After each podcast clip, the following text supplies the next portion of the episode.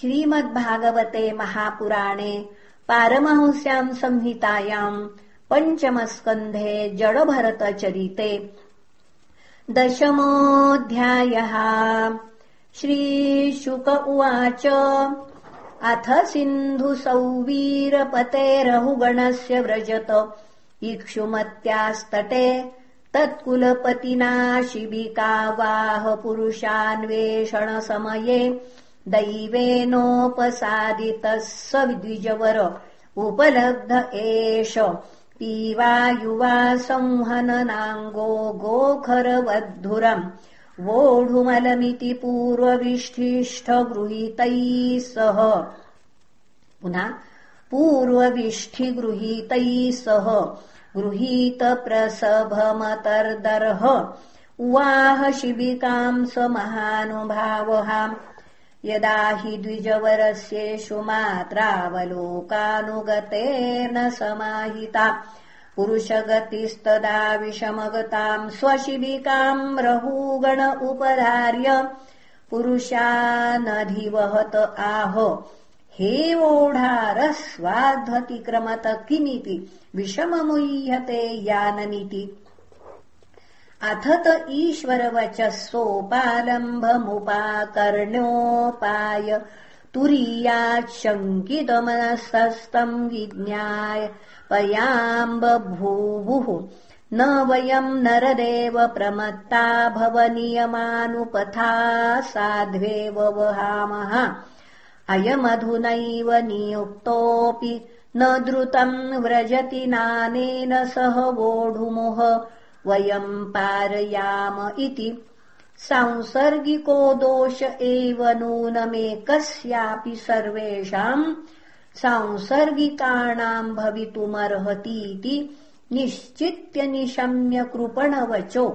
राजारहूगण उपासितवृद्धोऽपि निसर्गेण बलात्कृत ईषद्दुत्थितमन्युरविस्पष्टब्रह्मतेजसम् जातवेदः समिव अहो कष्टम् भ्रातर्व्यक्तमुरुपरिश्रान्तो दीर्घमध्वानमेक एव उहीवान् सुचिरम् नातिपीवान संहननाङ्गो जरसावोपद्रुतो। भवान् सखे नो एवापर एते सङ्घट्टिन इति बहु। विप्रलब्धोऽप्यविद्यया रचितद्रव्यगुणकर्माशय स्वचरम। कलेवरे वस्तुनि संस्थानविशेषेऽहम् ममेत्यनध्यापित। पुनः विशेषेऽहम् ममेत्यनध्यारोपितमिथ्या प्रत्ययो ब्रह्मभूतस्तूष्णीम् शिबिकाम् पूर्ववधुवाह। अथ पुनः स्वशिबिकायाम् विषमगतायाम् प्रकुपितः उवाच रहुगण किमिदमरे त्वम् जीवन्मृतो माम् कदर्थीकृत्य भर्तृशासनमतिचरसि प्रमत्तस्य च ते करोमि। चिकित्साम् दण्डपाणिरिव जनताया यथा प्रकृतिम् स्वाम् भजिष्यस इति। एवम् बौहबद्धमपि भाषमाणम् नरदेवाभिमानम् रजसा तमसानुविद्धेन मदेन तिरस्कृता भगवत्प्रियनिकेतम् पण्डितमानिनम् स भगवान् ब्राह्मणो ब्रह्मभूतः सर्वभूतसुहृदात्मा योगेश्वरचर्यायाम् नातिव्युत्पन्नमतिम्। स्मयमान इव विगतस्मय इदमाह। ब्राह्मण उवाच त्वयोदितम् व्यक्तमभिप्रलब्धम् भर्तुः स्वमे स्याद्यदि वीरभारः। गन्तुर्यदि स्यादधिगम्यमध्वा पीवेतिराशौ न विराम् प्रवारः स्थौल्यम् कार्शम् व्याधय आधयश्च। शुत्रुद्भयम् कलिरिच्छा जरा च। निद्रारतिर्मन्युरहम् मदशुचो देहेन जातस्य हिमेन सन्ति जीवन्मृतत्वम् नियमेन राजन्। आद्यन्तवद्यद्विकृतस्य दृष्टम्। स्वसाम्यभावो ध्रुव ईड्य यत्र तर्युच्यते विधिकृत्य योगः।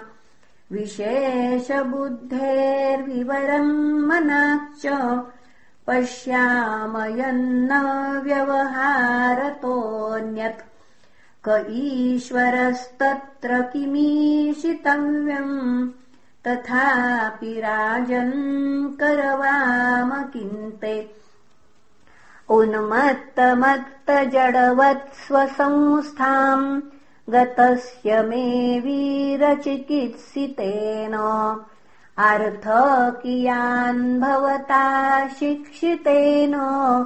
स्तब्धप्रमत्तस्य च पिष्टपेशः। श्रीशुक उवाच एतावदनुवादपरिभाषया प्रत्युदीर्य मुनिवर उपशमशील उपरतानात्म्यनिमित्त उपभोगेन कर्मारब्धम् व्यपनयन् राजयानपि। अथो तथोवाह स चापि पाण्डवेय सिन्धुसौवीरपतिस्तत्त्वजिज्ञासायाम् सम्यक् श्रद्धयाधिकृताधिकारस्तदृदयग्रन्थिमोचनम् द्विजवच आश्रित्य बहुयोगग्रन्थसम्मतम् त्वरयावरुह्य शिरसा पादमूलमुपसृतः क्षमापयन् विगतनृपदेवस्मय उवाच। कस्त्वम् निगूढश्चरसि द्विजानाम् बिभर्षि सूत्रम् कतमोऽवधूतः कस्यासि कुत्रत्य इहापि कस्मात् क्षेमाय नश्चेदसि नोत शुक्लः। नाहम् विशङ्के सुरराजवज्रान्न त्र्यक्षशूलान्न यमस्य दण्डात्। नाग्न्यर्क्य सोमानिलवित्तपास्त्रान् शङ्के वृषम् ब्रह्मकुलावमानात्। तद्ब्रह्म पुनः तद्ब्रूह्यसङ्गो जडवन्निगूढ विज्ञानवीर्यो विचरस्य पारहाम्। वचांसि योगग्रथितानि साधो। न न क्षमन्ते मनसापि भेत्तुम् अहम् च योगेश्वरमात्मतत्त्वविदाम् मुनीनाम् परमम् गुरुम् वै प्रष्टुम् प्रवृत्तः किमिहारणम् तत्। साक्षाद्धरिम् ज्ञानकलावतीर्णम्। स वै भवान् लोकनिरीक्षणार्थ मव्यक्तलिङ्गो विचरत्यपि स्वित्। योगेश्वराणाम् गतिमन्दबुद्धि कथम् विचक्षीतगृहानुबन्धः? दृष्टश्रमः कर्मत आत्मनो वै भरतुर्गन्तुर्भवतश्चानुमन्ये यथा सतो दाननया पुनः यथा सतो दानय नाद्यभावात् समूल इष्टो व्यवहारमार्गः। स्थाल्यग्नितापात्पयसोऽभितापस्तत्ताप स्तण्डुलगर्भरन्धिः देहेन्द्रियाश्वाशयसन्निकर्ष्यात्। तत्संसृतिस्पुरुषस्यानुरोधात् शास्ताभिगोक्ता नृपतिः प्रजानाम्। यः किङ्करो वैनपि नष्टिपिष्टम्। स्वधर्ममाराधनमच्युतस्य यदीह मानो विजहात्यघौघम् तन्मे भवान्नरदेवाभिमानमदेन तुच्छीकृतयत्तमस्य कृषीष्टमैत्रीदृशमार्तबन्धो यथातरे सदवध्यानमोहः।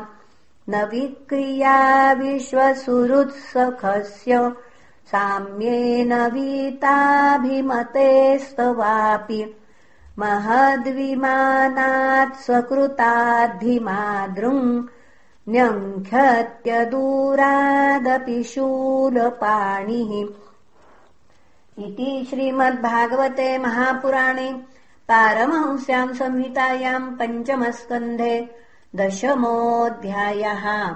श्रीकृष्णार्पणमस्तु हरये नमः हरये नमः हरये नमः।